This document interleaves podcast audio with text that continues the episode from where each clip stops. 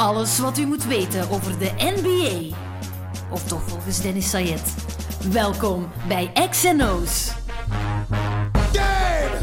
What you heard is what you hearing. What you hearing? It's what you hearing. Listen. It's what you hearing. Listen. It's what you hearing. Listen. X gon' give it to you. Eerst en vooral allemaal heel fijne feesten gewenst. December, ongelooflijk drukke en zotte maand. Ik weet dat de, de podcasts zich sneller gingen opvolgen, maar het is eh, even te gek geweest. Maar gelukkig zijn we erin geslaagd om eh, er toch nog eentje uit te persen. Imad Anouri, die ging eraan komen. Wel, die is vanmorgen langs geweest. We hebben over de NBA gepraat. We hebben vooral over de Knicks gepraat. Eh, Dat weet je, dat gebeurt met Imad natuurlijk. En ja, de podcast heeft toch een eh, Antwerps accent. Soms letterlijk, soms figuurlijk, maar zeker luisteren. Het eh, is een leuke. Eindelijk iemand Anouri. Ehm, het heeft een beetje moeite gekost, maar eh, toch hier voor eh, nieuwe XNO's. We gaan praten over de NBA en we gaan vooral praten over de Knicks. hè. Eh, misschien belangrijker, rust met jou. Alles prima, alles prima. De kerstvakantie begint, dus een beetje rustig aan. Eindelijk. Ja, eindelijk, eindelijk. En dan kan ik de NBA-matchen niet alleen maar via condensed games zien of highlights, maar gewoon helemaal volledig. Dus daar kijk ik al naar uit. Om veel matchen te kunnen zien, is echt niet evident. Hè. Je moet echt heel, tegen heel weinig slaap kunnen als je Ja, het ja, combineren met je gewone job. Want ik heb dat ook. Ik doe meer dan NBA alleen. Ja, En dat is niet altijd even gemakkelijk om, om daar echt tijd voor te vinden. Hè. Ja, vooral ook het feit dat je elke nacht, of ik toch, eh, met een zeker enthousiasme denkt, ik blijf op tot 1 uur, want dan begint die match. Dat is het magisch uur, 1 uur, 1 uur 30, vooral eh, voor een match van de Knicks. En dan beginnen die matchen en dan zo na de eerste kwartier denkt oké, ik moet gaan slapen. Deze gaat echt een slecht plan zijn voor morgen vroeg. Dus ik heb al heel veel eerste kwarters live gezien en dan de rest, eh, de rest gewoon de dag erna. Maar het is, eh, het is gewoon genieten en eh, thank God for Sundays, hè, dat die matchen ook af en toe al om 6 uur zijn en om 9 uur dat je op het gemakje de matchen volledig kunt zien. Ja, absoluut. En thank God voor eh, Christmas Day. Hè, dat die matchen Ja, ook al om ja. 6 uur, 9 uur op middernacht. Wij gaan twee matchen live uitzenden. Eerst New York, Philadelphia om Ja. 6 uur. En dan meteen daarna Golden State, Cleveland. Ja, ja, ja. Wordt mooi zijn, hè? Pittig avondje, wordt een pittig avondje. Ik ben, Maar dan, ik ben hier echt heel nacht thuis. Mijn vriendin weet nog niet dat wij twee NBA-matches zullen zien. Ik zal ze er ook wel van overtuigen. je hebt geen familiefeest. Nee, nee, nee. Ik, ik, Mooi. heb, ik heb de komende dagen familiefeest, zo vandaag en morgen. En eh, de Christmas Day is het eh, met de girlfriend. Oh, man, eh, fantastisch. voilà. Ja, ja, ja. Goed, eh, de New York Knicks. Yes, Jouw sir. ploeg, we moeten het erover hebben. We hebben er al eh, maanden over zitten, heen en weer. Eh, WhatsAppen, sms'en, dus eh, daarover praten. 17 en 15 op dit moment en Ja. toch niet in de playoffs. Eh, So much for the weak Eastern Conference. Ja, ja, ja. Want laten we dat... Misschien ook even interessant, hè. Ehm, iedereen dat op voorhand zei... Ah, de westen, westen is zo sterk. Het Westen is echt niet sterk. Hè. Het Westen is veel zwakker dan iedereen denkt dat, dat het er op papier uitziet. OKC staat vijfde ineens. Met Ja. 17 en 15. Ja, ja, ja. Het Westen is top-heavy qua topspelers. Maar in de breedte mogen we het Oosten echt niet meer onderschatten. Vind ik toch. En zeker als je de matchen bekijkt. Ploegen als Indiana, Detroit, Miami... Die, die moeten niet onderdoen voor ploegen als Denver of New Orleans of Portland. Maar eerst en vooral ben ik blij dat we nu samen zitten, omdat ik altijd tegen u heb gezegd, ik wil eh, terug bij u zitten, nog zolang de New York Knicks een eh, winning eh, balance hebben. Dus so, so far so good, 17-15. Maar vorig jaar was dat ook eh, 21-20, denk ik, zaten ze nog positief en daarna is het compleet bergaf gegaan. Eh, dus ja, laten we hopen dat dat dit jaar niet gebeurt. Ik denk dat ehm, op papier Western Conference echt heel sterk is, maar in de praktijk, zoals je zelf zegt, dat dat aantoont dat dat... allee, we hebben het er juist ook gezegd, hè, dat dat minder is. Maar vooral, ik heb veel meer het gevoel deze jaar dat elke ploeg van een andere ploeg kan winnen. Terwijl vorig jaar konden naar mijn gevoel, meer zeggen op voorhand van ja, oké, deze winnen die niet, deze winnen die niet. Terwijl Ja. deze jaar zijn er echt veel aangename verrassingen, vind ik persoonlijk. Ehm, maar de Eastern Conference is wel plezant, vind ik. Ik vind het heel tof. Ik vind het echt plezant. Ik vind, ik vind eh, ey, om de Knicks nu maar bij naam te noemen, die doen het echt eh, beter dan verwacht.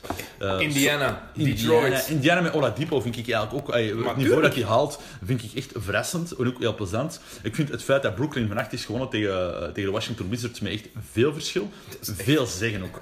De, de, New York, eh, de Brooklyn Nets, zag je die hem dus zien spelen, denk je, waar een brekploeg. En op andere momenten denk je, damn... 119-84 was het Brooklyn tegen Washington. Ja, ja, ja. ja, ja.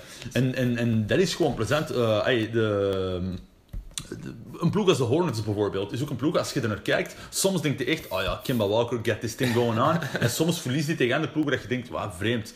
Boston Celtics, getipt als de beste ploeg misschien, ehm, van eh, de, de Eastern Conference vlak naar Cleveland, is het misschien nog altijd. Maar bij het uitvallen van eh, Hayward, ja, zie je ook nu dat die ploeg ja, een beetje meer zoekend is. Of, of, of zoals, zoals ze bij ESPN gisteren zeiden. Of bij, bij First Take, weet het al niet. Ze zijn net ietsje beter dan vorig jaar, maar niet zoveel beter. Maar dat is dan ook interessant, omdat dat ervoor zorgt dat een New York Knicks zonder Porzingis die iets doet, zonder een Tim Hardaway, nog altijd kan, kan winnen van een Kyrie Irving die meer dan 30 punten maken. Ja, dat is en dat vind ik gewoon plezant om te zien. Ik denk dat trouwens dat die Gordon Hayward blessure, ehm, niemand heeft dat willen zien gebeuren. Eh, niemand dat zou dat gebeuren. Maar als die gezond terugkomt, Hayward, kan dat wel eens een zegen zijn, denk ik, voor die ploeg. En daarmee bedoel ik Jason Tatum, Ja. Jalen Brown. Ja. Die zouden nooit deze rol gehad hebben als Hayward gezond was geweest. Ja. Eh, dat is fantastisch geweest voor die ploeg als ze die helemaal hadden gehad. Maar ik denk voor hun ontwikkeling en voor volgend jaar, ze hebben zo'n stappen kunnen zetten dat als Hayward daar nog bij komt, ja. dat je een zoveel sterker geheel gaat hebben nog. En ik Ja, vind wel dat deze ploeg beter is dan vorig jaar trouwens. Veel beter. Jay Crowder, al jaren een van de meest overschatte spelers in de NBA. Die gast die shot amper 30% van zijn driepunters binnen, maar pakt er wel 5 per match. Mm. Dat is niet goed genoeg. Isaiah Thomas, allemaal goed en wel, maar 1,70 meter met schoenen aan. Mm. Kan niet verdedigen. Ja, ik- En die heupblessure, je hebt nu met Kyrie Irving, heb je gast van 25 jaar, die... Ja, dat is je toekomst, hè. En dat is misschien wel de meest getalenteerde scorer op de point guard aller tijden. Ik, ik vind zelfs meer dan Iverson voor mij. Hè. Eh, hoe die kan Ja, scoren. ja, en. Isaiah Thomas, dat is zijn ene wonderjaar. Ja. Maar als ze mij vragen als general manager, Kyrie Irving of Isaiah Thomas en Jay Crowder, ik ga altijd voor Kyrie Irving. Maar ik denk dat iedereen daar altijd wel voor zou gaan. Ehm, maar dat ze bij Cleveland niet zoveel keuze hadden, denk ik. Omdat eh Kyrie Irving het wel heel duidelijk heeft gemaakt. En- Tuurlijk, maar- En, en, en, en je moet er dan iets voor krijgen. Twee jaar contract nog, hè? Je, Ja. je, had kunnen wachten ook. Hè? Ik, ik weet nog altijd niet of dit het beste bod was. Het was de Brooklyn pick. Dat was Ja. zo verleidelijk voor hem. Ja. Die, die toekomst. Ja. Ik ben er nog altijd niet van overtuigd. Ik, heb het van het begin, voor het seizoen gezegd. Brooklyn gaat minder slecht zijn dan iedereen denkt. Dat is een beetje een first take mentaliteit. Even, ik heb dit gezegd, maar gewoon om dat even aan te duiden van... Thomas dacht dat ook, van die ploeg gaat echt niet zo slecht zijn als iedereen denkt. Ja. Zo erg is dat daar niet, want die hebben toch niks om, voor te, om Ja, te verliezen. Chicago. Atlanta, die hebben een draft picks. Orlando, die hebben iets om... Als ze verliezen, van ja, we hebben onze pick. Als Brooklyn slecht is, ja... Ze hebben daar niks aan, want die pick gaat toch naar Cleveland. Dus Trouwens, trouwens eh, Chicago, Nikola Mirotic, je moet het zometeen meer over hebben, maar ook wel, ook ja. wel fascinerend om te zien wat daar gebeurt, vind ik. ik ben nog Maar- altijd in shock. Ja, echt hè. Maar, maar als, even over Boston. Hè. Kijk, eh, first of all, Isaiah Thomas, ik heb er heel veel liefde voor. Ik vind, eh, het is een shorty, wat je ook maar wilt, maar zijn karakter en wat hij vorig jaar heeft gedaan met Boston, Absoluut. vind ik echt quasi legendarisch. En ik denk, die het belangrijkste is hoeveel impact gaat die blessure hebben op zijn verder spel, maar dat is trouwens bij Hayward ook. Je kunt dat nu nog niet inschatten. Maar dat is anders, Isaiah denk ik. Thomas, ja, maar een Isaiah Thomas op niveau, die kan echt een wereld van verschil betekenen voor Cleveland. Ik geloof daar echt wel in. Ja, die kan een wereld van verschil betekenen, maar wat ik denk, je, niet van spelen. Je, moet- Daar moet je aan denken. Hayward met zijn enkel en zijn, en zijn scheenbeen, oké. Ja. Ja. Dat, als dat gewoon goed herstelt en je doet de goede bal- balanceringsoefeningen, stabiliteitsoefeningen, Ja. goed ingetaped, dan is dat... Tenzij dat hij weer een freak val maakt, dan kan Ja. er weer iets gebeuren. Maar Isaiah Thomas, dat is de heup. Ja. Meter 70 en hij, hij speelt drie punters en als hij naar de basket gaat, contact met die heup. Ja, ja, ja. En dan zo, met zijn arm opzij, zo maakt hij net, creëert hij ruimte. Hij, hij, hij maakt, hij maakt zijn punten ook altijd onder de ring of, of eh, door, eh, door de andere, eh, de verdediger, als, als een soort van afstoot Voilà. kussen te gebruiken. Voilà. En Dus, da- daar denk ik ook, ook, aan. En de leeftijd. Hij, hij gaat richting de 30. Irving nog vijf jaar niet. En ik denk puur op dat vlak. Isaiah Thomas heeft vorig jaar een van de meest legendarische seizoenen ooit gespeeld. gehad, ja, ja, ja. Wat die, ik zeg het ook puur als je denkt met ja, puur basketbalgericht, puur business mind. Ja. Als je het menselijke aspect erbij haalt, laat je Isaiah Thomas nooit gaan. Vorig Ja. jaar, na de Ja. dood van zijn zus, Ja, ja, ja. die begrafenis, Ja, ja, was ja. een van de meest ontroerende dingen die ik ooit heb gezien. Ja, ja, ja, met die namen op dingen. En vooral ook met, uh, wat is zijn naam, die ook getraind is naar eh, eh, Bradley. Avery dat die- Bradley, ja, ja. voilà, dat die dan samen ook nog er zaten. Gasten die elkaar al lang kennen. Die er voor elkaar... Dat was een heel mooi verhaal. Hollywood scenario. Who knows, misschien ook een film erover zelfs. Maar het ding is gewoon... ehm, It's a business, hè. Daar is iedereen het over eens. Hè. En die spelers weten dat ook. hè. It's a business and it's not, it's nothing personal. Je wordt gewoon getraind as if it's a business. Maar het, het ding over, over uh, Thomas, ik blijf erbij. Veel zal blijken, uh, veel zal afhangen van de blessure en hoe dat er maar van terugkomt. Maar ik geloof echt dat hij meerwaarde kan hebben op Cleveland. Maar LeBron heeft ook gelijk als hij zegt, we moeten niet wachten op een IT. Alsof dat hij hier alles terug op, uh, op gang zal brengen. Nee, we moeten nu gewoon ons eigen ding doen. En dat zullen we daarna wel zien. Cleveland is zijn eigen ding ook wel aan het doen op, op, op een eigen manier, zoals altijd. Maar wat ik echt, waar ik echt fan van ben bij Boston Celtics, en ik heb het juist tegen u gezegd, ik vind dat er veel goede rookies zijn dit jaar. Ik geniet ervan. Maar Tatum bij Boston, daar heb ik echt, echt wel een zwak voor. Omdat die, die, die is complexloos in een aanval, die durft verantwoordelijkheid nemen, die, die zijn moves, die, allee, die- dat is echt gewoon... Bij Boston denk ik dat ze zelf verrast zijn over hoe goed dat die gast Het lijkt is. alsof hij al vijf jaar in de NBA is. Ah, wel, voilà. Het is, Ja, ja, ja, het is zo'n veteraan in een lichaam van een 20-jarige... Is die al 20? Nog niet, denk Dat ik. weet ik niet, Is ja. 19. Ja, ja, ja. Moet nog 20 worden. Ja, ja, ja. En als we de draft nu opnieuw doen, en dat is heel gemakkelijk, hè, achter de feiten, la la. Ehm, maar als we die nu opnieuw doen, Jason Tatum is de number one pick. pick en him as number one. wat heeft Danny. Ainge altijd gezegd? We gaan downtraden, want we zijn, ervan, we zijn ervan overtuigd dat de gast die wij als eerste willen kiezen, er dan nog gaat zijn. En dat was Jason Tatum. Ja, als ze de ja. eerste pick hadden gehouden, ze waren niet voor Fultz of voor Bal gegaan. Ze hadden Jason Tatum gedraft, want hij weet, dat is het soort speler dat ik in het concept wil. Ja, ja, ja. Lang switchen op alles. Want kijk wat Brown, Horford, Marcus Morris kunnen op alles switchen. Marcus Smart kunnen constant eh, wisselen. En dat is het geheim van de Boston Celtics. Dat is, en als Hayward daarbij komt, heb je nog zo iemand, 6 foot 8, die constant kan switchen. En dat is, dat is de ploeg die Brad Stevens ook wil. Geen posities, gewoon basketbalspelers. Ik, weet- ik, weet nu, ik, ik weet hoe dat Brad Stevens de spelers aanpakt, maar ik vind dat geniaal hoe dat in Boston heel veel spelers erin slagen om gewoon elke keer niet boven hun niveau eh, uit te stijgen, maar wel direct hun potentieel heeft te hij altijd gehad. of zo. In Ja. college heeft Butler twee jaar op rij naar de finale geleid. Ja. Het college toernooi, één keer met Hayward als sterspeler. Maar het ja, jaar ja. daarna was Hayward weg. Weg. En hadden ze niemand eigenlijk. Ja, ja, ja. En toch met Sheldon Mack was toen denk ik. Sheldon Mack was de beste speler. Ja. Maar je, je merkt ook gewoon, ook vorig jaar toen dat Boston die hele drama had, hè, met het overlijden van eh IT zijn zuster en zo, dat, de manier waarop dat Bradley ermee omging, de manier, eh, eh, eh, damn, Stevens ermee Ja. omging, de manier waarop dat, die ploeg ermee omging, de manier waarop die gasten aan elkaar vast bleven hangen.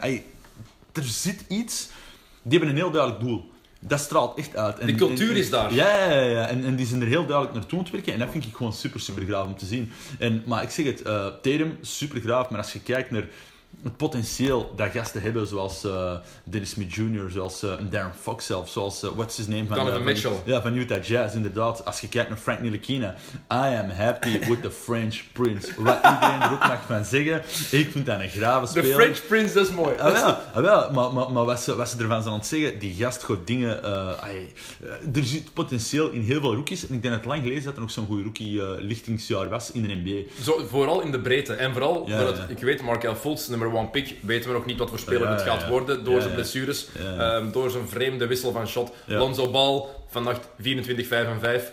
Hey, Lonzo Ball krijgt veel te veel haat. Echt Maar waar. Die gast, die gast is in zijn eerste seizoen bezig. Oké, je hebt dat hele mediacircus rond van zijn vader. I get it. Je hebt ook de uitspraken, we hebben het er juist over gehad, van Magic Johnson, die ik vind, die te veel druk leggen op een gast die er juist toekomt. Je kunt die wel naar voren brengen als, dat is iemand die het potentieel heeft om, ons, uh, om onze franchise terug Mm. uh, te uh, vitalizen.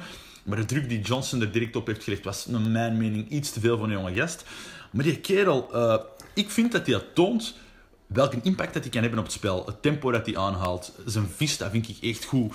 Uh, zijn shot, je kunt er veel over zaniken, maar als dat begint te vallen, dan begint dat te vallen. Nee, niet mee eens laatste. Daar ga ik zo meteen Ah, op wel, inpikken. Oké, okay, ça va. Ehm, het, het, het feit dat hij uh, al een paar keer, uh, wat, wat is nu, twee keer een triple-double heeft gedaan, Ja. de jongste speler ooit. Ehm, hij heeft zijn match dat hem goed scoort. Ik ben het wel mee eens.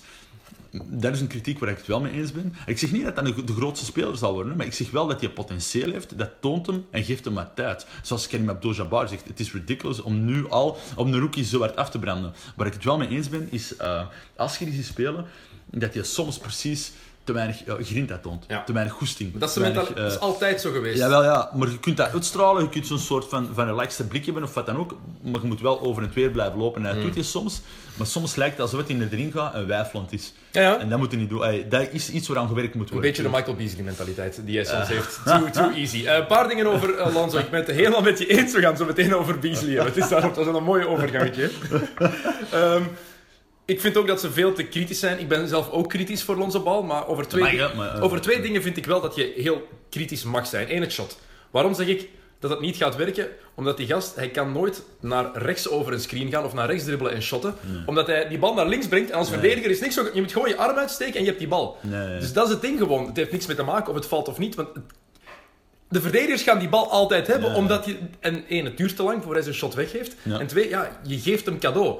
Dat, het gaat gewoon niet. Kevin Martin had ook een heel vreemd shot, maar die bracht hem niet zo naar, naar, zijn, naar zijn zijkant. En daar vrees ik een beetje voor. En twee, stop met naast belachelijk maken. Ja. Nazir Jones is een van de grootste legendes in de hip-hop. Ja, ja. ik heb het al een paar keer gezegd. Totally good, you maar je kan niet naar New York komen en een albumcover van naast op je trui hebben ja, en je eigen kop En toch tegelijkertijd, how ballsy is dat? Ik zeg het, zware hip-hop hebben hier, zwaar respect voor Nas. Uh, wat je als muzikant veel impact gaat op mij, maar dat je dat doet als rookie vind ik ook ergens een beetje ballsy. En weet je, I kinda dig it. Weet je. je moet daar ook allemaal niet te serieus nemen of zo. Maar ehm Als jij bij de Knicks speelt Ja. en je ziet dat voor de match mag die, en je komt hem tegen, Dan mag hij gewoon kapot ah, uit de je, match. je duwt hem onder het parket. Ja, ja, maar dan mag hij gewoon kapot uit de match. Zorg ervoor dat hij geen enkel shot kan nemen, dat hij Voilà. niks uit kan doen. Oké. Oké, that- that's it. Maar ik vind wel trouwens nog één ding over dat shot. Ik snap het wel, maar op een shot kunnen werken. Ik geloof echt dat dat nog kan veranderen. Maar is, is hij moet heel zijn shot veranderen. En daar maak ik me een beetje zorgen om. Hij moet letterlijk... Want hij, die, die rechterarm gaat naar die linkerschouder. Hij Ja. moet alles veranderen. En ik weet niet of dat zomaar kan. Dat kan, hè. Ja. Op je 19 of je 20ste je shot nog helemaal omgooien. Je kan details aanpassen. Kawhi Leonard zijn shot. Kijk daar Ja. naar. Kijk naar Chris Dunn bij de Bulls nu. Allemaal dingen aange- aangepast. Stephen Curry heeft zijn shot ineens helemaal omgegooid. Maar dat was voor college. Ja, ja, ja. Dat was voor hij naar de big guys ging. En daar maak ik me een beetje zorgen om. Ik, ik geloof daar eigenlijk nog wel in. Ehm, ik zeg het, ik vind dat een van het, een- misschien het weinige, hè, waar het hem, of een van de kleine dingen waar het hem aan moet werken. Niet klein als van ehm, dat, dat dat niet grootste impact heeft, maar wel iets dat kan veranderen, dat kan nog aanpassen. Hè. Ehm, maar trouwens, nog één ding over de Lakers. Los van onze bal, Kuzma. Ja, Kuzma. top 3, top 4 rookie. Want ik wou zeggen top 3, maar het is top 4. Man, nobody was talking about him op voorhand, vond ik, of toch veel te weinig. Nu is 27e Ah, pick, hè? Ja, en nu is die, allee, wat die laat zien. En plots ineens, er is zo'n ploeg bij de Lakers, waar dat zo Ingram, die heeft veel haters, maar ik vind dat die, eigenlijk zijn, dat- die doet grave dingen. Die doet echt grave dingen, die heeft ook zijn aparte stijl. Die is heel atletisch op zijn eigen manier. Kuzma, uh, Lonzo Ball, er zit wel iets daar. Daar zit iets. Er maar zit dat zijn wel de drie waar ze in gaan moeten investeren. Ik heb altijd het gevoel bij Ingram, Jalen Rose zegt dat heel mooi. He's, he's alright, but he's not real. Dat is echt het gevoel dat ik daar ook bij had. Want iedereen vergeleken met Kevin Durant. Ja, ik vond dat totaal onterecht. Het is niet omdat Fysiologisch, hij... Ja, vind voilà. dat misschien, ja. Maar qua manier van spelen klopte dat niet. En nee. ik ben, nog altijd, ben er nog altijd niet helemaal van overtuigd of hij een toekomstige All-Star is. Maar de laatste maand laat hij fantastische Die dingen steps zien. up, hè. Voilà. Ja, ja, ja. En Kuzma, ja, dankjewel Brooklyn. Echt. Het was een pick van Brooklyn. Die is betrokken in die trade die. D'Angelo Russell naar. Brooklyn heeft gebracht. En hadden ze een goede draft pick? Ja. Ah, En dan net. geven ze die weg. maar, niet- maar eerlijk, wie had, en dat is het mooie aan de NBA en het spelje, wie had op voorhand kunnen zeggen dat je nummer 27 zoiets zou Maar doen? dat is- je hebt het toch altijd... Draymond Green is een tweede ronde draft I pick, know, maar je wist dat... Nu ook de Bulls.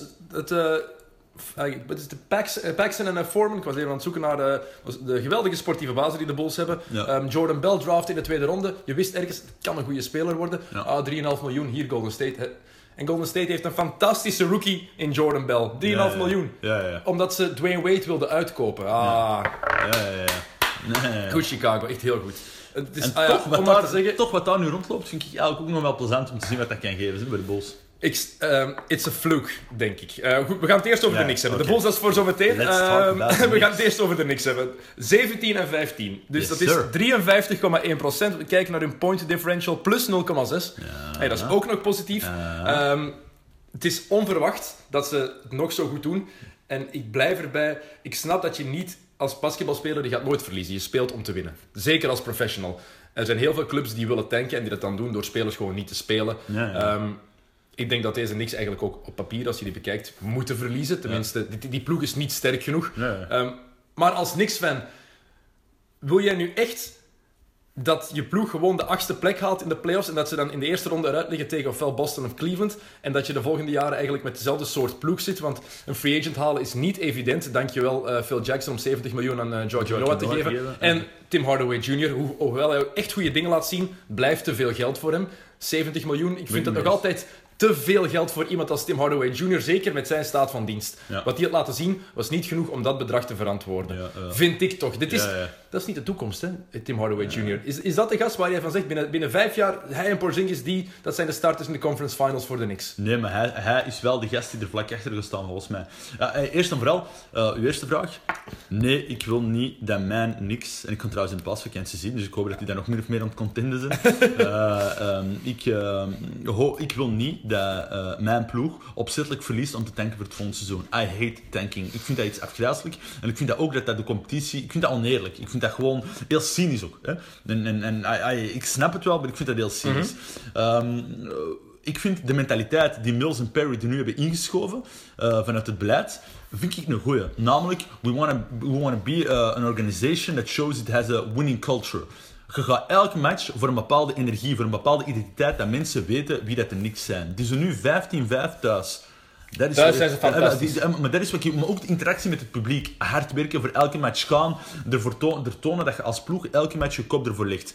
Dat valt in de verste verte niet te rijmen met een ploeg dat bewust gaat verliezen om te tanken. Dus ik vind veel liever achtste eindigen, de play-offs halen en dan als een organisatie verder daarop groeien en bouwen en weet ik wel allemaal, dan nu opzettelijk verliezen om te bouwen voor de toekomst. Ik, ik vind dat cynisch, ik vertrouw er niet op en ik heb veel liever het eerste. Omdat je dan ook... Hey, welk zichzelf serieus nemende sportman gaat opzettelijk matchen Nee, verliezen maar dat bedoel ik. beter worden? dat zeg ik je ook net. Als Eh, speler verlies je niet expres, maar als organisatie Welk stuur je dat wel. nemende organisatie doet dat ook. Wel- welke ploeg heeft dat nog niet gedaan Ah, in ja, de NBA? ah, ja, Buiten de Lakers, denk ik. Ah, maar, Zelfs die. Maar dat is ook mijn grootste kritiek. Wat er nu in Philadelphia aan het gebeuren, allemaal graven, weet ik wel allemaal. hè. Maar tegelijkertijd is... I mean, how long can you trust the fucking process? Weet je? Maar het is- de proces is gedaan, hè? Ja, ja, oké, duidelijk zijn. Dit, is, dit is nu waar ze moeten investeren. En ik vind, eerlijk gezegd, dat is het systeem. En ik ben ook niet voor tanken, laat me dat duidelijk zeggen. Ja. Maar ik ben ervoor dat ploegen het maximale potentieel kunnen bereiken dat ze Ja, willen ja. bereiken. Dat, daar gaat het bij mij om. Want ik vind ploegen die willen verliezen, ik ben zelf ook een, een sporter, ik haat verliezen. Dat. dus ik snap, ik ben ook niet voor tanken, maar het zit nu eenmaal in het systeem. Het is toegelaten en Sam Hinkie, die heeft dat, vo- voormalig general manager van de Sixers, heeft dat perfect gezien. Daryl Morey bij de Houston Rockets, die weet dat ook, die pakt het anders aan, maar die weet het, dit is het systeem, we kunnen dit doen, dit doen, dus dit zit erin, dus waarom zou ik het niet doen? Want zijn gedachtegang was, free agents ga ik bij Philadelphia niet binnentrekken. Ja. Feit. Wat kan ik doen? Goede rookies proberen draften en talent opstapelen. Ja. Heeft hij gedaan. Embiid, Simmons, Fultz nu, Saric. Ja. Heeft jong talent op die manier... En het was vreselijk om te zien. Hè. Ik zou, ik zou zot worden als Puur, puur, rationeel, puur rationeel begrijp je dat. hè. Ik zeg, Voilà. of, of puur strategisch begrijp je dat wel. Maar het, het, het, eh, het draait om veel meer dan. De Knicks hebben heel veel zever gehad. Toen, en, en, en credit due to Phil Jackson. Hebben heel veel zever gehad toen ze Porzingis hebben eh, gedraft. Hè. Boelgroepen weet ik wel allemaal. En dit die hebben het jaar ervoor niet opzettelijk verloren. Hè. Die hebben die gewoon gedraft om het feit dat ze zo brak waren. De, rule, de, de- ja, maar de rules work. zo, het is zo. Ze, ze hebben hem gedraft. Thank God, trouwens. Hè. Hey, als, Frank als, Okafor, als Okafor op, Ja. er nog was, had, hadden ze Okafor gedraft. Ja, ja, jongen, maar beeld je dat eens in, man. Daar wil ik je zelfs niet over nadenken. Nu, Frank Ntilikina, net hetzelfde. Maar dan is er zoveel gebitcht geweest over, ja, maar ja, vorig jaar had hij toch nog die laatste match moeten verliezen. Want dan hadden misschien Dennis Smith Jr. of weet ik wel allemaal. Dennis Smith Jr. is gedraft na of- of-. Of, of ja, nee, je had Dennis Smith Jr. moeten pakken, is ook weer zo'n zeggen. Iemand hetzelfde als Porzingis, maar je had dan hoger kunnen draften nu als je wat opzet. Dat is onzin. Dat is onzin. Je doet gewoon met wat je hebt. En wij hebben nu, je speelt de matches als je ze speelt, altijd proberen om te winnen. En wij hebben nu, nu heb Frank Ntilikina, waar ik eerlijk gezegd binnen drie jaar echt een supergoed, binnen drie jaar zelfs niet zo lang nu, wat je verdedigend laat zien qua spelinzicht. Zijn shot, dat eindelijk en toe wat meer begint te vallen. Het feit dat hij een vorige match tegen de Celtics even een fastbreak doet en gaat dunken en zo, dat zelfvertrouwen begint te komen, die assertiviteit naar begint te komen, er zit heel veel in. Porzingis, die is nu aan het struggelen als de leider van de Knicks. Waarom? Dat was zo de golden boy, is nog altijd de golden boy, maar tegelijkertijd, na zoveel jaren, is hij nu de face of the franchise. Die, doet- die speelt dat pannen met een tak, maar dan ga je ook matchen hebben zoals tegen Boston, waar je 1 één, één punt maakt. 0 op maar 11, gi- ja. eh, eh, 0 op 11, 1 punt maakt, maar gisteren had hij met 29 punten. Dus uh, snap je? Die, die, Ik twijfel niet aan ja, Porzingis. hè. drie, Tim Hardaway, waar je het over hebt, Tim Hardaway Jr. Gast. Iedereen zegt, die is zijn prijs niet waard. Hè? Of Die, was, die, die is zijn contract niet waard. Ik denk dat in de NBA van vandaag, waar het er zottere sommen zijn, één, hij zijn prijs wel waard is. Ik snap dat mensen zeggen dat dat niet zo is. Ik denk dat hij zijn prijs wel waard is en ik zie dat veel meer nadat ik deze match heb gezien met de Knicks en wat hij daar heeft gebracht. Tim Hardaway, toen hij wegging met de Knicks en naar Atlanta ging, was dat iemand die verdedigend veel steken liet vallen, aanvallend af en toe iets eh, eh, extra bracht. Nu is Tim Hardaway Jr. iemand die keiveel energie brengt, keiveel discipline, keiveel defense en aanvallend echt boven zichzelf kan uitstijgen. En dat zorgt ervoor dat die ploeg een soort van, en wat ik trouwens, het zo over hebben, de grootste sterkte vindt van de Knicks dit jaar, dat dat een soort van sfeer en mentaliteit is van, we kunnen verliezen, maar we gaan er alles aan doen dat dat niet gaat gebeuren. Terwijl vorig jaar en het jaar ervoor, laten we eerlijk zijn, matchen begonnen alsof we het in kopknal ervoor hadden gelegd en ze zeiden, stap er maar over. Hè. Absoluut, en dat is ook het voordeel van Carmelo Anthony te traden ergens. Ja. Dat is het voordeel van een ploeg te hebben waar niks van verwacht wordt. Ja. Mhm. Wat zo is, want je kan alleen maar verrassen. Dit is een van de meest... dit is het extreem underdog verhaal Ja, ja, ja. voor de niks. Hè. Ze moeten niks, alles mag. Ja. Ehm, ik heb heel veel onbewust niks gezegd in de afgelopen zin. Het was echt heel onbewust. Ehm, Ja. Maar je hebt ergens een punt, Tim Hardaway, over de eh, manier van spelen van Tim Hardaway Jr. Ja. Helemaal gelijk. Mentaliteit zit veel beter dan toen hij eerst bij de Knicks zat. Defensief doet hij beter zijn job. En dat is echt dankzij goed Atlanta, genoeg. omdat de coach Ja, eh, bij coaching een staff. fantastische ja, coach. Ja, ja. Ehm, zijn shot is meer dan betrouwbaar, maar die salary cap is al aan het zakken. Hè. Die is dat ene jaar gestegen. Ja. En is gigantisch gestegen, maar afgelopen zomer was hij al lager. Deze zomer gaat hij niet nog eens ineens stijgen. Ehm, en dan is gewoon 16,5 miljoen dit jaar, 17,3 volgend jaar, het jaar daarna 18,1 Ja. voor Hardaway Jr. Ja. 18 miljoen is te veel voor Tim Hardaway Jr. En dan denk ik gewoon over het feit hoeveel salary cap je nog over hebt. Want je moet daar ook bij denken. Ze hebben dat contract aan Hardaway gegeven, terwijl ze al wisten, we moeten Joachim Joachim Noah. Noah betalen. Ja, ja, dus dat was al, we moeten die betalen tot 2020. Ja. En in 2019-20 is dat 19,3 miljoen dollar. Ja, ik weet het, ik weet het. Ja, Dus, en da, da- zo, zo denk ik daarover na. En ik weet, je hebt gelijk, die is belangrijk voor die ploeg en die laat goede dingen zien. Maar ja, de Knicks gaan iets kunnen doen in free agency, maar genoeg? Ik weet het niet. Ik weet het echt niet, want het is wel een veel aantrekkelijker, eh, een ploeg die veel aantrekkelijker is geworden om naartoe te gaan als free agent. Dit, dit beperkt hen gewoon en daarom stoort mij dat. Wat ik, wat ik, wat ik, nu, wat ik eh, nu denk, is dat er niks echt spelers zijn aan het eh, warm maken voor een avontuur in New York. Eh, wat afgelopen jaar niet het geval was. Nee, is New. York- New York was ah, supergrave stad, supergrave franchise, maar qua basketbal een kerkhof. Hè? Eh, allee, om, om kansen om iets te laten zien, weet ik wel allemaal. Nu begint dat te veranderen. Nu zie iedereen van, oké, weet je, Porzingis, de Unicorn, Frank er zit wel iets, die sfeer, dat publiek, oh man, you gotta love the crowd. Maar dat is fantastisch. Ah, en dan- Tuurlijk. en dan denk ik, mijn ploeg die je nu hebt, Joachim Noah, ik ben het er volledig mee eens. hè. En dat contract was al veel te zwaar voor een fitte Joachim Noah. En nu is het gewoon helemaal... Kijk, hè, bij Als wijze ze van de, spreken. Als ze hebt. MVP-kandidaat Noah hadden, heeft dat ene jaar gehad, 2013-14. Ja, wel, bij voilà, ja, Chicago ja. was die Dat was het enige jaar dat dat eh, legitiem zou zijn dat je die zo'n contract zou geven. Dat was na dat jaar. Ja. Nu niet meer. En ik heb veel liefde voor Jo- Joachim Noah trouwens. hè. Zijn mentaliteit, zijn- zijn eh, sociaal engagement, alles wat je maar wilt. Maar puur, wat ik zeg, rationeel, geen effect. Tim Hardaway Jr., ik blijf erbij. Eén, je had die niet weg kunnen krijgen bij Atlanta als je niet, niet dat bod had gedaan. Net dat minimumbod was dat je moest doen om die weg te krijgen bij Atlanta. Twee, die is belangrijk voor deze ploeg en die gaan ze meerwaarde de komende jaren laten zien. Wat ik denk dat ze willen doen, en dat vind ik ergens wel jammer, maar ik snap het wel, is dat ze een kern willen bouwen rond Nilikina, Porzingis en Tim Hardaway Jr. En dat voor de rest spelers waar ik heel grote fan van ben, zoals een Courtney Lee, zoals een Kylo Quinn, man, die zijn vista, het passen dat hij geeft, maar ook die zijn drive en die zijn blocks en zijn rebounds, weet ik wel allemaal, dat dat de spelers zullen zijn die, eh, die wel nu echt zijn aan het shinen bij de Knicks en boven zichzelf uitstijgen, denk ik, maar die wel getraind zullen worden. Voor minstens een versterking. Willy Hernan Gomez. Ik denk dat heel veel ploegen daarachter uh, die zouden wel Waarom speelt hij bij God niet meer? Die speelt af en toe, krijgt hij zijn kans, maar ik- veel te weinig. Die Eh, is veel, eerlijk- wordt veel te weinig in de rotatie gedropt. Eerlijk, omdat Kylo Quinn grave dingen laat zien. nee, nee, maar Als ik coach ben, ik, ik kies altijd O'Quinn. Dat is de bruiser inside. Ja. 10 minuutjes per match. Maar Hernan Gomez, dat is een beetje waarom ik soms nog een probleem heb met de Knicks. Want kijk, 17 en 15. En waarom ik met de Knicks trouwens zwart aantrek, dat is de, de ploeg van mijn vader. Dus mijn vader was ultieme, Knick- ah, ultieme. Ja, ja. Voor zover dat kon. Ehm, dus daarom heeft het ergens een soft spot voor mij. ehm, nog altijd. En dan, dan zie ik zo'n dingen en dan zie ik Jared Jack starten. En dan denk ik echt zeg, pussy. Nee, nee, nee. Pussy, start, nee, start met Nilikina. Als je voor de toekomst gaat, laat zo'n gast, dat was met Porzingis hetzelfde. Je moet een jonge gast de kans geven om fouten te maken. Ja. En als je die garandeert, jij speelt 25 minuten per match, wat er ook gebeurt. Altijd, je start en je speelt 25 minuten per match. Dan maakt het niet uit hoe zenuwachtig die is, dan maakt het niet uit welke fouten hij maakt. En ik, ik vind trouwens ook Jared Jack niet de ideale man, nu nog niet meer om ze, een, jonge point guard, ja, om een jonge point guard te begeleiden. Ehm, Ramon Sessions is helemaal niet Ja. het juiste geval. Ja. Maar ik wil dat Nilikina in de basis staat, dat die start. Wat zijn zijn cijfers nu? Maar ik, ben even, ik ben het even bij opzoeken, maar gewoon ook van gisteren. Hè. Gisteren heeft hij 19 minuten gespeeld. Hè. Ja, dat is te weinig. Ja, maar- 20 minuutjes per match. Maar het, het ding is, het ding is Dennis, wat je moet eh, weten, één, ik vertrouw de coachingstaf dat ze weten wat voor mentaliteit hij heeft. En iedereen is erover eens dat hij super professioneel is, dat Mhm. hij super leergierig is en dat hij keiveel dingen oppikt. Vergeet niet dat hij ook wat blessures heeft gehad. Tuurlijk, Hè? maar nu Dus de- dat, dat is het begin van het seizoen. ja, maar, maar goed, zij weten beter, denk ik, en het mentale en het fysieke eh, aspect van hoeveel ze die moeten laten spelen. 19, 20 minuten per match toont aan dat je er vertrouwen in hebt, dat je die naar voren brengt. Hè. En wat ik graag vind aan Hornacek, jij zegt een pussy, ik vind van niet. Jared Jack, eh, Jared Jack start, maar Nilikina speelt altijd ook op de moeilijke momenten van een wedstrijd.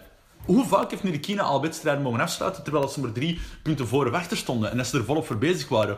Hoeveel clutchshots heeft eh, Nirikina kunnen nemen, drie punters die de match doen eh, kantelen? Vaak, vaak. En dat is het bewijs dat Hornacek zegt van oké, we hebben er vertrouwen in, we laten die de belangrijke momenten spelen, maar we willen die ook niet te hard opbranden.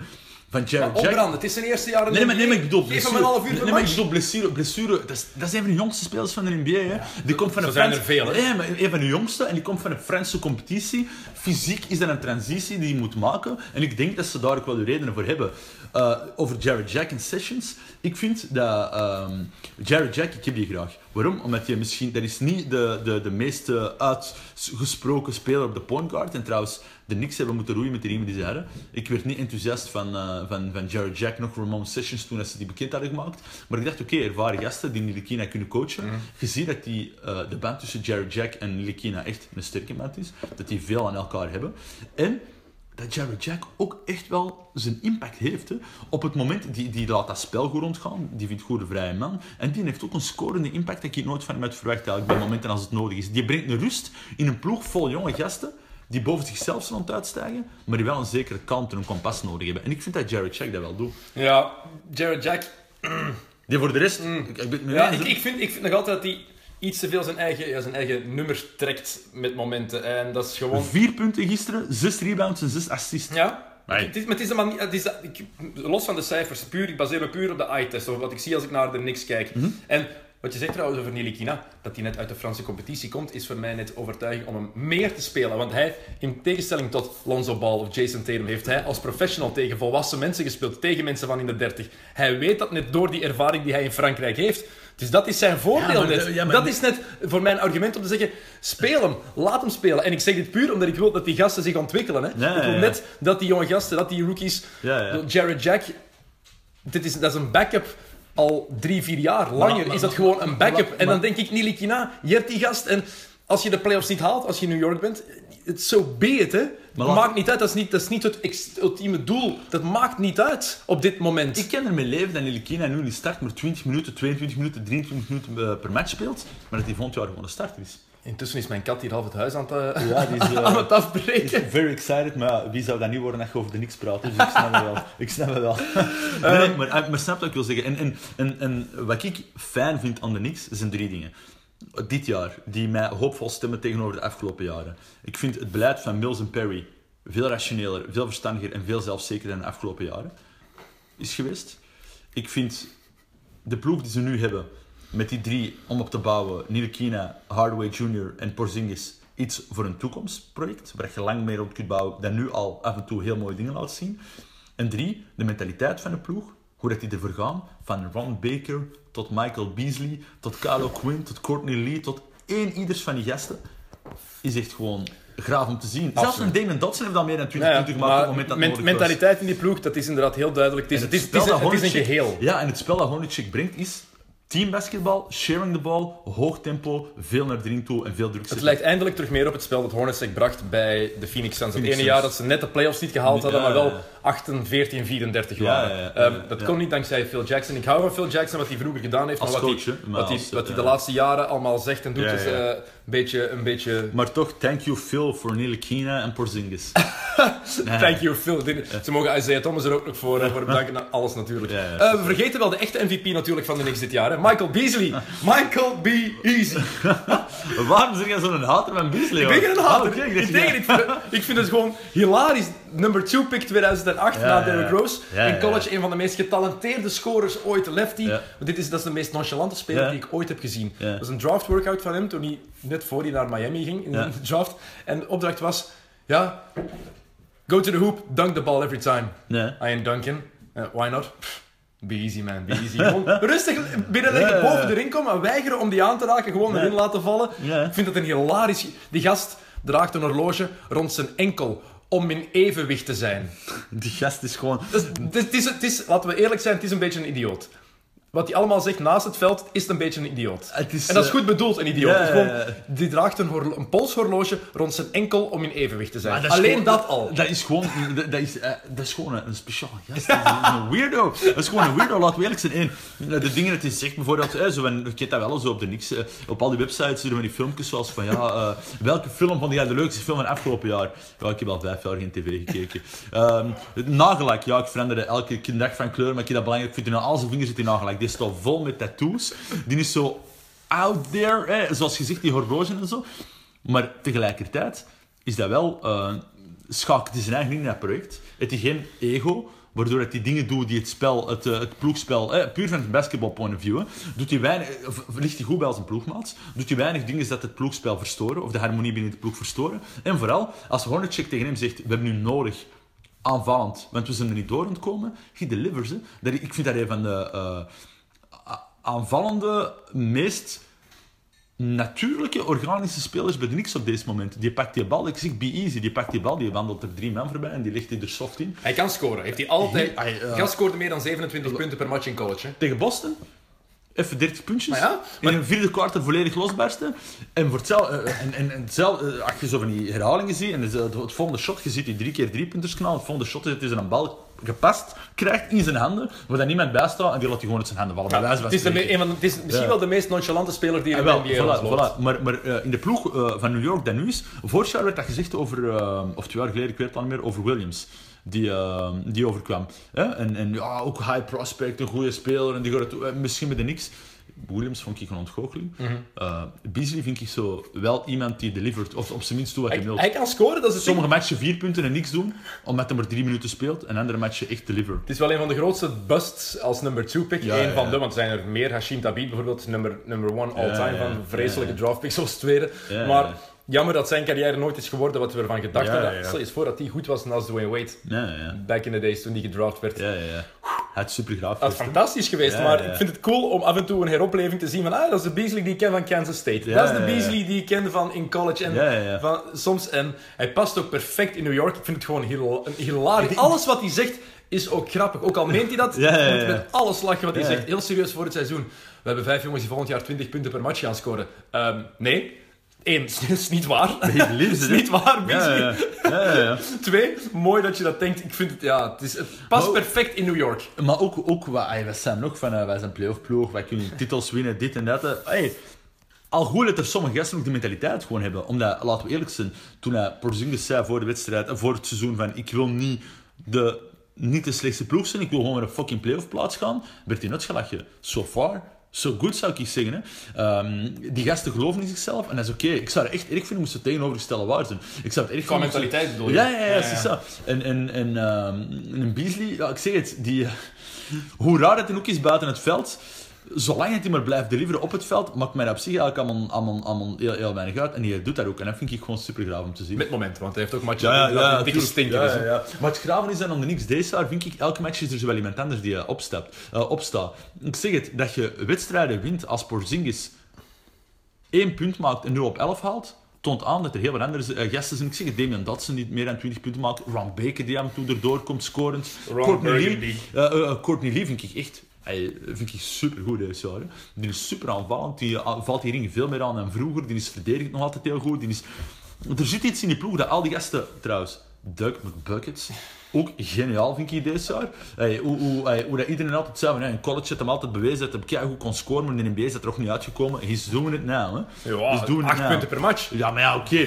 Het aantal minuten dat hij krijgt is weinig. En inderdaad, meermaals dat hij wel een twintig- een twintigtal puntjes heeft Ik, gemaakt. ik vind 8,6 punten in 24 minuten. Ja, het is, maar het is, dat is het ding net. Je moet McDermott, en dat is het beetje probleem voor hem geweest altijd. Ik denk dat ze nooit zijn, de juiste rol voor hem gevonden hebben. Het is een Hij is sixth man. Kyle Korver-style speler, bedoel ik, met Ja. hoe je die moet gebruiken. Hè. Het is een, een, Hij kan, een wel beter onder, hij kan wel beter onder de ring eh, zijn weg vinden dan Kyle Hij is sterker, hij is fysiek Ja, gewoon sterker dan Ja. Korver. Hij heeft een, beter, heeft een betere drive, maar het is en blijft een, een jump shooter. Dat zijn, dat zijn grootste kwaliteit. Dat hij Ja, een goed ja. afstandsshot heeft, daar moet hij het ook van hebben. Ja. Ehm, maar dat is wel inderdaad iemand die handig is van de bank. Courtney Lee, ehm, ik vind dat een trade asset. Ik vind dat, eh, geen, ik vind dat geen speler om op in te zetten. Ik vind dat geen speler die je ploeg echt beter maakt. Ik heb vaak bij Courtney Lee dat ik denk eh, dat ik...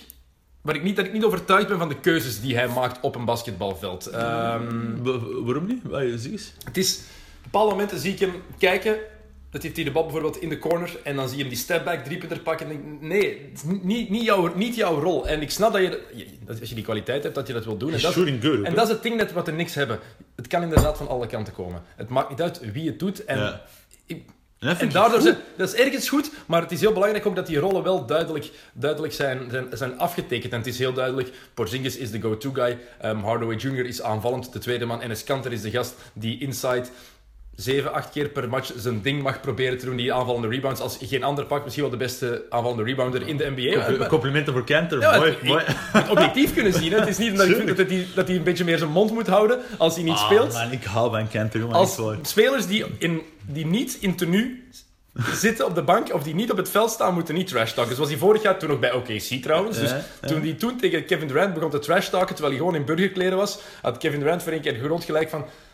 Maar je doet zelfs niet mee, gast. Als je Ah, meedoet... no, man. Ah, Ja, man. He can run his mouth as gonna- long as he I'm delivers on the field. I'm gonna take you. Nee, dat is niet waar. Nee, je, je gaat niks tegen mij doen. En weet je waarom niet? Je speelt niet mee, gast. Ja, maar Dat is het ding. Dat Punt. niet uit. Die Ja. pakt het tegen iedereen. Maar ik vind Enes Kanter... eh, Weet je, de- als het gaat over die energie bij de Knicks deze jaar, denk ik dat dat voor een groot stuk eh, komt ook door spelers zoals Enes Kanter, die, die eh, plots een oplossing zijn voor problemen die de Knicks de afgelopen drie jaar hebben gehad onder de ring qua offensief rebounds ehm, en, en qua aanvallend scorend vermogen. Wat Quinn ook voor een stuk doet. Ik ben het nu eens dat jij zegt dat eh, Courtney Lee en Kyle Quinn dat dat trade assets zijn, maar ik vind Kyle Quinn ook. Maar dat neemt niet weg dat ik vind dat die op dit, eh, dit jaar een heel grote meerwaarde zijn voor de Knicks. En dat die Ja. echt wel grave dingen doen. Maar- en ik ben er wel heel blij mee om dat te zien. Maar dat is het ding een beetje wat ik... Ik heb bijvoorbeeld ook bij de Lakers. Jordan Clarkson, zo Ja. iemand. Julius Randle. Ja. Allemaal degelijke spelers voor mij. Zijn dat trade assets? Bijvoorbeeld Randle doet soms dingen die er goed uitzien, maar waarvan ik denk...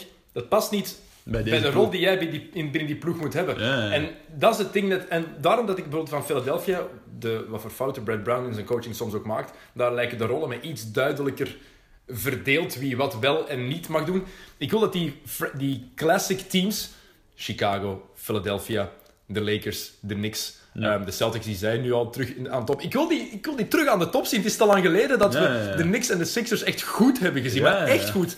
En dat is, als, als ik daar negatief over klink, is dat niet van oh, ik wil, Ja, ja, we nee, nee, slecht zijn. Nee, ik wil weer terug. Ik wil nog eens een conference final Chicago tegen New York hebben. Met, Ehm, met, met, met echt zo die, die, die, die, die, eh, die rivalry dat je vroeger Voilà, had, voilà. En, dat, en dat is het ding. En, en dat is het ding bij New York, dat ik, waarom ik praat over dat tanken, dat ik soms denk van, zou ik als Knicks-fan, als ik een Knicks-fan zou zijn, zou ik content genoeg zijn met te weten dat volgend jaar, damn, Bagley, de third komt eraan en Doncic en we gaan ze nooit hebben. En dan beeld je in, stel je voor dat die bij onze ploeg zouden komen, wat voor verschil dat zou kunnen maken. Ik probeer Maar ik vind, ik vind dat een verkeerde mindset. De, de, de, mindset die je gewoon moet hebben is wat we nu hebben, hoe sterk dat we nu kunnen zijn en hoe dat we ons volgend jaar sterker kunnen Ja, maken. maar dat is, het, dat is het net. Ja. Hoe ga je je volgend jaar sterker kunnen maken? Nee, ik heb er geen de- idee van. Maar de, eerste, de eerste vraag is nu gewoon hoe kunnen we ons van deze jaar zo sterk mogelijk opstellen en zo hard mogelijk competen. En dan gaan we de volgend jaar in tussenseizoen een analyse maken hoe kunnen we ons nu Ja, volgend maar jaar dat, dat is te laat. maken. Dat is het ding net. En dat is te laat. Dat moet nu al gebeuren. Ja, oké, maar hey, dat is het ding ook. Hè. Ik vertrouw echt... Ik wou zeggen in Mills en Perry, maar veel meer in Perry dan in Mills. Maar ik vertrouw wel in, op dat Inmiddels duo. vertrouw ik voor geen haar. maar ik vertrouw wel op dat duo op een of andere manier. Trouwens, ik vind het ook graag dat ze eh, gewoon in, Ameri- in, eh, in, in de Amerikaanse sport ook een grave eh, symbolische waarde hebben nu, omdat dat al bij Afro-Americans zijn die echt Ja, wel, dat- dat de wel- lakens uitdelen. Dat is my niks ook, weet je. Dat, dat, dat is ook gewoon graag om Maar dat. Mills, Mills heeft genoeg foute beslissingen Ja, ook ja, gemaakt. Iedereen helemaal- steekt alles op Phil Jackson. Ja. Niet helemaal correct, hè. dat- Mills was daar ook bij betrokken. Ah, wel, daar ben, ik, daar ben ik het misschien voor een stuk wel mee eens, maar wat die nu, ik heb er nu wel vertrouwen En ik denk, er niks waar je nu Nilikina, Porzingis en Tim Hardaway hebt, je hebt daar een wissel op de toekomst. Je moet er rondbouwen. En ik denk dat je met spelers als Courtney Lee en, en, en, en, en Kyle Quinn, eh, Willy Hernan Gomez, ook goede trade assets hebt. En ik noem, vorig jaar had je dat nooit durven doen, hè, maar ik noem Hernan Gomez nu echt een trade asset. hè. Vorig jaar dacht ik echt, oh man, we got a new center. Ik vind dat Ines Kanter dat nu veel beter doet. Ik zou al... En ik ben het compleet. Ik heb een compleet tegenovergestelde mening. Ja. Ik vind Kanter meer... Ja, Trade asset. ja dan Hernan Gomez. Ik, ge- jonge gast Hernan Gomez. En zo'n hoog basketbal-IQ. En ik denk dat... En zij- drie punten gescoord. Ik, ik deze denk dat zijn, ik denk dat zijn eh, plafond veel hoger ligt nog dat het van, dan dat van Kanter. En dat de, zijn- progressiemarge zoveel groter is.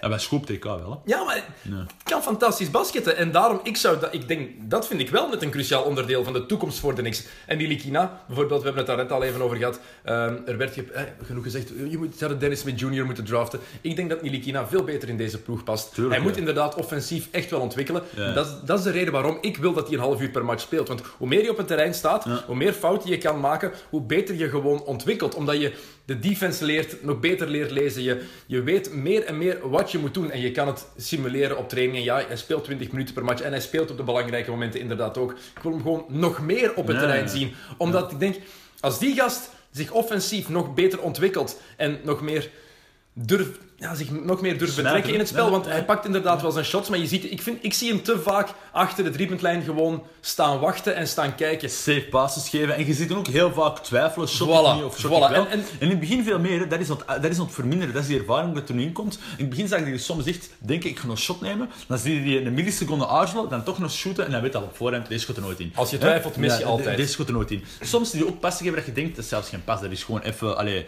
de bal moven, maar gewoon, eh, er heeft geen enkel nut je nu is aan het. Hè. Dat is ook gewoon om, maar dat is oké, dat is dat leergeld dat dan betaalt. Offensief gaat hij beter worden. Nu geen ding over die balsharing, hè, dat je zegt van, nou, dat is de sterkte van de niks, maar ik weet niet wat je dat echt vindt. Een van de beste dingen dat Porzingis dit jaar is aan het doen, is de bal meer delen ook. En hij geeft dat zelf ook aan. Hij zei vroeger, als ik ergens voor een shot stond, dan dacht ik altijd, ik moet die nemen en ik ga die proberen te forceren en ik mis. Terwijl ze deze jaar al matchen hebben gewonnen, omdat Porzingis twee man naar zich toe trekt, de perfecte vrije man vindt en die die gewoon inknalt. En dat is ook verstandig basketbal. En dat Ja. zijn die gasten ook leren nu. Daar ben ik het helemaal mee eens. Ik vind Porzingis, laat dat duidelijk zijn, Porzingis is... Vind je nog altijd op de vijf moet staan trouwens? Want ik weet nog dat wij ooit eens zaten met de podcast en dat jij bleef zweren dat hij op de vijf Met moet die, staan. met die ploeg van En vorig, ik- met die ja. ploeg toen, met Carmelo Anthony in Ja. het team. Ja. Toen, Ah, toen, toen, voor, toen man. hadden ze Carmelo Anthony op de vier moeten zetten Ja. en Porzingis op de vijf. Toen, met die ploeg, Carmelo Anthony is geen, geen small forward meer, Maar, hij- jij zei... Dus alles hangt af, maar alles hangt af van hoe die hele groep in elkaar zit, wat het spelersmateriaal is. Mhm. Nu heb je Enes Kanter die start en die ook moet starten. Ja, dan is Porzingis een 4. Hangt er allemaal vanaf hoe dat aangevuld wordt. Buiten Michael Beasley is de enige, denk ik, die als stretch 4 zou kunnen spelen. Dus nu past dat gewoon niet. Nu is Porzingis meer dan natuurlijk de, de power forward, de 4 in die ploeg. Mij gaat het puur om hoe de rest van die ploeg daarbij past. rond hem, Voilà. ja. En dat, toen was het met Carmelo Anthony. En toen vond ik, als die ploeg succes wilt hebben, dan moet Mello volgens mij moest Mello op de 4 starten met Porzingis op de 5. Dat was in mijn ogen Maar toen hij- de ja. beste optie. Ja. Dat betekent niet dat ik Porzingis een, een center vind, want ik Ja, vind dat geen center. Het is, ah, ik vind dat geen center. Het is, posities bestaan eigenlijk niet meer. Hè? Nee, nee, maar. Porzingis is zo zo'n unieke speler, eh, de unicorn, of je de bijna nu goed vindt of niet, het is wel echt een, een uniek geval. Die gast is 2,23 meter, kan dribbelen, kan shotten, Shooten. inside. kan elegant zijn onder drie. Ja, die nog van, ja, ja. Voilà, dus het ding is... Misschien wel de nieuwe standaard voor de nieuwe NBA-speler. Denk je? Ja, je moet, Dat ze, dat, ze, dat ze van jongs af aan gasten al je moet het coachen om dat soort spelers je moet het fysiek ook kunnen, hè. Ja, dat is Je waar. moet het fysiek ook aankunnen. Kijk, door Joel Embiid is ook dat soort speler, maar die kan het fysiek... Hij is weer geblesseerd, weer last van de rug, had hij in college ook al. Dat vind ik wel jammer. Die gast... Ja, ja dus we gaan het zo meteen even over Embiid hebben, want dat Ja, is... eh, ja, ja. Maar Porzingis, is het een 4, is het een 5? Het is gewoon een fantastische speler. dat is het enige. En dat is echt altijd... Van de eerste match dat ik die heb zien spelen, wist je van, oh, dit, dit is, als die gezond blijft, want dat, ik maak me er altijd zorgen over bij mannen boven de 2 meter 15, Ja, ja, ja. 16. Zeker als ze zo bewegelijk zijn, van blijf alsjeblieft gezond. Ja, ja, En dat denk ik, ik denk dat zelfs bij mannen als Kevin Durant. Ehm, als je die ziet spelen, oh, Ook credits aan eh, de coachingstaf bij de Knicks nu. hè. Als er iets gebeurt, die nemen geen risico's. Hè. Het is niet... eh, want dat, daar gaat het Mhm. week ook was over. hè? Ja. wel, eh, daar gaat het ook over. Hè. Tanking versus winnen. Nee, nee, je gaat elk match voor te winnen. Maar je gaat ook niet nu in deze fase per se die playoffs willen halen door een Porzingis die goed bezig is, maar die last heeft van zijn knie en dat aangeeft er toch op te laten staan. en dat is een hele goede En die, ingesteldheid. laten, en die Ja, laten die vind ik drie matchen rusten als het nodig is, om zeker te zijn. En, die gaan heel verstandig om met hun spelers keren. Ook met Likina trouwens. En ook met Tim Hardaway Jr. nu. Mhm. Ik vind dat dat ook wel... Het is zo at ease, weet je. Het is at ease. Het is verstandig eens een keer bij de niks. Het is, we, we hebben hier iets in handen. We hebben eindelijk een goede mentaliteit. En we doen het rustig aan en verstandig. En dat is gewoon eindelijk iets dat ik jarenlang heb gemist. Ja, dat is- Dat samen met de connectie met het publiek. daar kan ik me helemaal in vinden. En inderdaad, het publiek, dat, dat is prachtig om te zien. Oh man. Ik ben, denk, als ik gewoon denk aan de volgende drie jaar, dan vraag ik me af... Wie is die, gast die, die andere gast die nog dat extra gaat bieden? En het kan zijn dat ze in free agency wel iets gaan doen. Hè? Ja. Wie weet gaat LeBron er naartoe. Vinden ze daar een manier om geld vrij te maken? I don't want LeBron, man. Ik zou, eh, Hey, everybody liefde, wants. LeBron. Liefde, hè. heel veel liefde voor LeBron. Ik vind dat een van de graafste spelers ooit. Eh, je kunt er heel veel dingen over zeggen, maar LeBron... Overal waar LeBron gaat, is LeBron show. En I don't want a LeBron show in New York. Snap je wat ik wil zeggen? Echt waar, ik meen het. Ik meen het. Wat, maar wat ga jij doen? Ga je LeBron er daar brengen als veteraan, die zo die jonge gasten Weet, eraan weet, je, weet je wat je gaat doen dan? De finals halen. Dat ga je doen. De finals halen. I don't know about that. En kans maken op een eerste titel sinds 1973. I don't know Dat, dat gaat er dan gebeuren. Ik denk niet dat hij naar New York gaat. Nee, ik denk ook niet. Maar- dat is wat er dan zal gebeuren. Misschien, misschien houdt ik LeBron gewoon een beetje voor zijn uitspraken tegenover Nilikina begin deze jaar. En trouwens, dat vind ik ook graaf. Dat Dat is waarom die gewoon wegduwt. Dat Nilikina die gewoon wegduwt. dat- dat, dat, vind ik, dat vind ik echt graaf. Dat is, die, dat is die ervaring die Ja. hij in Frankrijk heeft opgedaan ergens. Ja. En de mentaliteit ook. En dat is trouwens, Dennis Smith Jr. heeft hetzelfde. wat hij tegen Kyrie Irving deed. Zich niet laten doen. En dat, dat vind ik van... Ben Simmons heeft dat ook. Trouwens, en dat vind oh, ik Ben fantastisch. Simmons, shit man, hoe graag zie ik die spelen ook. Ben Simmons vind ik echt graaf bij de Philadelphia Sixers. Dit, dit is de Rookie of the Year. ja, ik denk het Ook wel. al vinden sommigen dat hij geen rookie is, omdat hij al een jaar het ja. NBA-circus heeft Ja, ja, ja. mogen meemaken. Ik vind het wel, want het eerste jaar dat hij basketbalt. Maar het is een, een fenomeen. Maar dat is een Erg beetje... voor Fultz ook, omdat iedereen nu over Simmons bezig is en niet meer over... eh, Ja, als Fultz fit is en stel je voor dat hij het hele jaar mist en volgend jaar komt, hij- begint hij eraan en scoort hij 18 punten per match, dan Ja, dan is- verandert de- die, die verhaallijn ook weer helemaal. Maar dat is inderdaad wel mooi dat die, die rookies van nu heel zelfbewust zijn en Ja. daar ook voor durven uitkomen. En die Likana tegen LeBron, ik vond dat fantastisch. Echt graaf, Dat hè. die- ja, ja, ja. Dat die zich gewoon niet, niet doen. En ik vond het jammer dat Kanter zich toen kwam moeien trouwens. Omdat ik denk dat Nilikina het zelf had kunnen eh, afgekund. Nou, Gewoon- die is gewoon rustig gebleven. Maar daarom- daarom- zou zelf niks gezegd Daarom, ik, hebben. Ja. ik dacht echt van, nee, Kanter, laat, het- laat die doen. Want Nilikina ging rustig die bal pakken, ging rustig ingooien. Nee, maar weet je ik wat daar niks van aan. Maar weet je, vond wat het Ken- fantastisch. weet je wat Kenter toont op dat moment? Dat iedereen voor elkaar Ja, opneemt. Nee, ik- ik zou dat, het- dat, dat er ineens tussen kwam, dat, dat, dat is het ik zou hetzelfde gedaan hebben. Ja, ik zou het ook gedaan hebben, maar puur gewoon objectief. Ja, ja, Vond ik dacht van, laat ze met twee doen. Want ik denk dat Nilikina, ik denk gewoon dat die, dat die LeBron de baas gaat ja, kunnen. Puur, het ging puur daarover. Want inderdaad, ja, ik zou krak hetzelfde trouwens, gedaan hebben. trouwens om heel even op je vraag van de rest terug te komen, wat gaat de extra zijn voor New York? Mhm. Ik geloof heel hard gewoon in Nilikina en Porzingis. Dat is niet genoeg. Eh, Om te contenden, hè. Ja. Zeg niet om een 5 seed, een 4 met zijn. Hardaway Jr. erbij, Nog denk niet. ik... ja, Nee, niet genoeg om te contenden. Niet genoeg om tegen... Om te strijden tegen... Je moet denken eigenlijk... Hoe ga je Boston verslaan? Dat is eigenlijk het doel in de to- toekomst. Want je weet niet wat LeBron gaat doen na dit jaar. Dus Maar- dat is een vraagteken. door Michael Beasley, die heeft gesloten. Nee, maar even, als je even nadenkt over die ploeg, Ja, ja. Over, over hoe die in elkaar zit, dan vraag, dan vraag ik me echt af van, ik weet niet dan- of dat gaat lukken.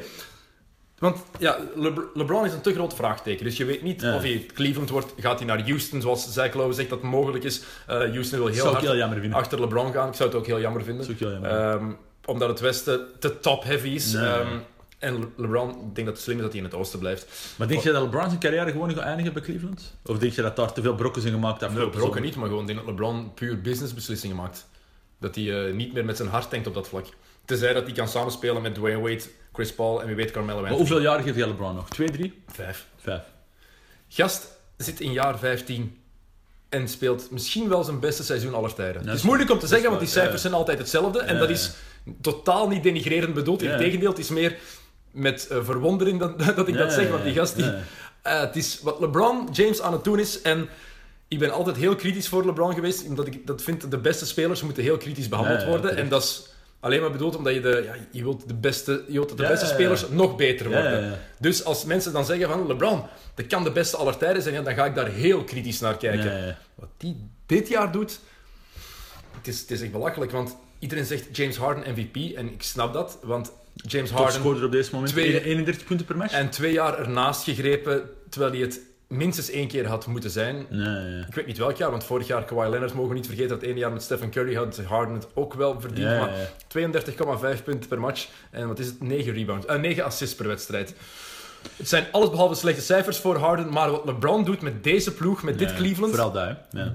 Die terug naar die moeilijke start terugleiden, want die defense van de Cavs, ook al ziet hij er beter uit, dankzij LeBron hoe hij zijn ploeg stuurt. Hè. Kevin. Love, we, we, we zwijgen er allemaal over, maar die heeft een PR, een player efficiency van net geen 25.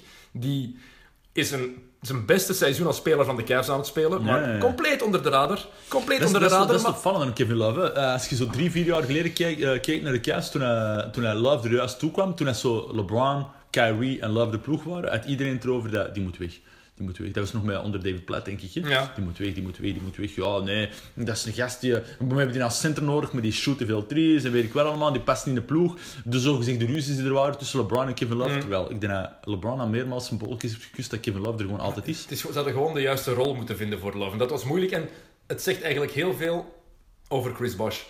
De moeite die Kevin Love heeft gehad. Hoe, dat. Chris, hoe Chris Bosh zijn spel heeft aangepast destijds, Voor die destijds bij om Miami. titels te winnen. Om daarin te passen, want zonder Chris Bosh wint Miami geen titel. Hè. Ja, dat duidelijk zijn. Dat is een van de belangrijkste spelers. Die rebound alleen al bij het shot van Ray Allen. Ja, ja, ja. was, Maar LeBron, voor mij is LeBron James op dit moment echt de MVP. En sorry James Harden, dat je, maar wat die aan het doen is... Punten, ik zal even zijn cijfers overlopen. 28,4 punten per match. 8,2 rebounds, 9,2 assists, 1,5 steals, 1 blok per match. En dan heeft hij een shotpercentage van 57% en achter 41% achter de driepuntlijn. Het is een 57, shooter geworden. 41% van achter de lijn. 57 is dat hoogste uit de half Ja.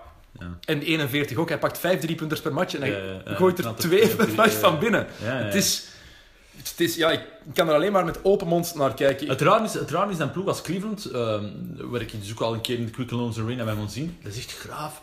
Maar dat begint zo... Het raar vind ik aan het, seizoen, eh, aan het NBA-seizoen dit jaar, hè, is dat ploegen like Cleveland en Golden State, dat je dat al ondertussen normaal vindt. Ja, de wow-factor de wow-factor die ik twee, drie jaar geleden, geleden had toen ik naar die ploegen keek, is nu al een beetje is weg. toch altijd zo? En bij Cleveland vrees ik dat die één probleem hebben. En dat is als LeBron wegvalt, door een blessure, Natuurlijk. dan, dan is het Oh, gedaan. tuurlijk, tuurlijk. Dat Ja, is... ja, ja, ja. Terwijl dat ervoor niet het geval was. En nu maak ik me er wel ah ja, zorgen over niet. Ik ben wel benieuwd hoe dat ze dat zouden opvangen. Maar het ding, het ding is, en houd vasthouden, gewoon voor de NBA in het algemeen. Dat dat niet gebeurt, hè. Maar Maar ja, nee, er, is, nee, maar- er, zijn, er zijn weinig spelers die zo professioneel met je lichaam omgaan. Maar, en maar dus, eh, LeBron- ja. wanneer, wanneer heeft LeBron een zware blessure gehad? In zijn carrière? Niet. Nee, Nog nooit. dat nee. is de meest... Het is Betrouwbare qua... meest betrouwbare speler, het meest betrouwbare lichaam in de geschiedenis van de NBA. dat, dat, is, dat is LeBron. Echt, de mileage dat hij heeft, dat is, daar sta ik echt altijd Ja, van te ja. kijken. Goed, het is duidelijk, we zijn eh, serieus van de hak op de tak aan het springen. Ik denk niet dat ik dat ooit al zo heb gedaan in een podcast, alhoewel, ik vind het fantastisch. Mijn Ehm, excuses, mijn nee, dat is excuses. ik, ik hou daarvan. Eh, hopelijk voor de luisteraars dat eh, even tof als wij. We moesten het nog even over Philadelphia hebben. Dat Yes, hadden we sir. gezegd. Dan gaan we afronden, want dan eh, laat ik je gaan hier net voor de kerstdagen. Ja, ja, ja. Familiefeestjes. De 76ers. Zo'n ongelooflijk leuke ploeg met Simmons en Embiid. Simmons moet echt wel een shot ontwikkelen in de komende jaren. Of hij gaat een probleem beginnen hebben, denk Mhm. ik. Ehm, maar ik hoorde daar straks iets heel interessants op eh podcast van The Ringer. Bill Simmons zei dat. Ehm, je hebt twee keuzes. Je moet gokken of Embiid 65 matchen gaat spelen in een seizoen of niet. Zo ja, krijg je 10 miljoen. Nee, dan ga je dood. Ah, ah, Wat, wat kies je? fuck. Durf je dat aan? Nee, Nee, hè? nee, Ik ook niet. nee. Dat is echt... Ik vond het een hele goede hypothese om Als te je denken... ging zeggen 10 miljoen ja of nee, gewoon, dan heb ik voor ja geweest. Dan heb je wel gedaan, hè. maar mijn leven ervan laten hangen. Nee, omdat... Ja, maar dat, dat blijft een vraagteken gewoon, hè. En Je vertrouwt het echt niet, hè? Nee, nee. En, en als je die ziet spelen, denk je echt, oh die shit, die is zoveel mogelijk, jongen. En die is echt goed. En je wilt hopen dat dat kan gebeuren. Exact. Maar je bent realistisch genoeg om te weten dat de kans er wel in zit dat dat niet zo zal zijn. Exact. De vraag is of ze hem 65 matchen per jaar nodig hebben Ja, ja, ja. om een serieuze contender te worden. Of dat ze die no- ik weet het niet, hè. Ik weet het niet. Of Ik- dat ze genoeg spelers hebben die dat kunnen opvangen en dat hem op de juiste momenten. Ik denk dat ze gaan sowieso beperken. Ze gaan hem inhouden. Want Ja, ze doen ze wil- nu al. Ja, tuurlijk. Ja, want ze willen natuurlijk op termijn dat hij in de playoffs dan ook Ja. top is. Maar ik denk dat het ergens ook wel nodig is om gewoon die chemistry in de ploeg te hebben. Omdat hij zo belangrijk is voor dat team. Hij een zo'n grote rol opeist. Dat stel je voor dat hij, maar, dat hij 50 matchen maar speelt per seizoen. Dus dat hij er 30 mist. Ja. Het is altijd... Je hebt dan het Philadelphia zonder Embiid en het Philadelphia met Embiid. ja. En dat zijn twee totaal verschillende speelstijlen dan, lijkt me. Omdat Embiid, ja, hij moet die bal in de blok hebben tien keer per match. En hij Ja, moet zijn ding kunnen doen. Je, je wilt dat ook, als je coach bent van de Sixers. ja. Dus dat is een beetje en het, vraagteken. En hoe gaat Markel Fultz terugkomen? Ik vraag me af, gaat hij gaat die backup point guard worden? Wordt het de shooting guard op termijn? Wat wordt Markel Fultz Wie, die zou- wie ploeg? zou er eigenlijk... Heb ik eigenlijk geen zicht op? Wie zou het meest flexibel zijn op een andere positie? Fultz of eh, Simmons? Simmons speelt al op andere posities, dat is het ding net. Als eh, Simmons start op eh, de point guard en dan komt eh McConnell erop en dan gaat hij naar de, naar de power forward. Dus dat is het voordeel. Maar ik, ik wil de bal in de handen van Ben Simmons. Ik Ah, wel, hem dat is het ding. Hem als point guard is Voilà. gewoon echt super graaf om te zien. Of dat hij nu gewoon erdoor snijdt en zelf naar de ring toe gaat. Of dat hij het spel verdeelt. Of dat hij... Dus... Of je combineert het, hè, zoals LeBron ook heeft gedaan Ja. met Kyrie Irving. Toe. James was wel de point guard natuurlijk in die ploeg. Is nog altijd de point guard in De ploeg. reden, de reden waarom Kyrie weg is waarschijnlijk. Ja. Mogelijk, Kyrie wilde gewoon een nieuwe uitdaging en ik blijf erbij. Sna- ja, snapt je eigenlijk Kyrie? Want daar hebben we het nog niet over gehad. Helemaal. Ik, vind, ik, snap hem, ik snapte hem niet toen hij zei dat hij weg wilde. Omdat ik toen de redenering daarachter ook niet helemaal begreep. En je speelt met de beste speler samen. Je gaat naar de finals elk jaar, ben je daar zeker van. Maar als je nu ziet hoe hij zijn rol opeist, hoe hij als leider geëvalueerd is, want dat is indrukwekkend hoe hij zijn ploeg leidt, dan snap ik het beter en beter, omdat je ook inziet waarom hij het gedaan heeft. Hij wilde. Echt, hij, hij wilde zijn team. Het is niet dat hij wil laten zien, ik ben de man hier, want zo speelt hij niet, vind Nee, ik. het draait niet rond hem. Nee, ook al Ja. pakt hij soms 10 shots in het vierde kwart, het is, die ingesteldheid is toch anders. Dus ik kan het beter en beter begrijpen. En hij wilde naar een grote ploeg. Ehm, hij, toen Boston op de proppen kwam, alle andere trade assets maakten niet uit voor de familie Irving. Ja. Stelde niks meer voor. Het was Boston of niks en het is Boston geworden. Ja, Ik, vind, ik vind hem daar fantastisch passen. Het is trouwens niet Boston of niks gewoon. Hè. Het, en het schijnt als Boston of de niks misschien zelfs een beetje. Ja, maar maar- ik ben blij dat ze dat niet hebben gedaan. Nee, maar en dat dat ook nooit Toen, toen, Boston was. op tafel kwam, was het meteen duidelijk. Hij wilde naar, naar de Celtics. Ik vind, ik, vind, ik vind het vooral heel leuk voor Boston ook, omdat... ehm, en nu zijn we terug van hek op het het springen. Omdat de TD Garden verdient ook gewoon terug een ploeg dat kan contenden. En, eh, en, en dat had het vorig jaar al, maar nu denk je dat ze wel een wissel op de toekomst hebben gemaakt. Ja, en dat ze dat de komende jaren gaan blijven. En gewoon mooi om te zien. Daar ben ik van, van overtuigd. Ja. Goed, Imad, ik ga je laten gaan. Ehm, Thank you, sir. Even voor jullie luisteraars, ehm kerstdag, hè, eh, dubbele affiches NBA. Het, is, het wordt heerlijk. Hè. Ja, Eerst ja. New York, Philadelphia. Laat ons hopen met Embiid. Het is nog niet zeker. Ja. Maar om zes uur s'avonds beginnen we dan met de heer Tony van den Bos naast mij. Mhm. En dan tussen de twee matchen doen we de switch. Ik blijf zitten. Thomas van het Spiegel komt erbij voor Golden State Cleveland. Zonder Stephen Curry. Hoogstwaarschijnlijk nog altijd zonder Isaiah Thomas. Dat is jammer, maar. Het gaat eh, niks afdoen van die heerlijke affiche. Dus Sowieso. eh 6 uur en 9 uur, 6 uur aan een stuk gaan we live. Geniet ervan, man. Het zal tof worden. Iemand bedankt dat je er was. Graag gedaan en uh, prettige feesten. Go.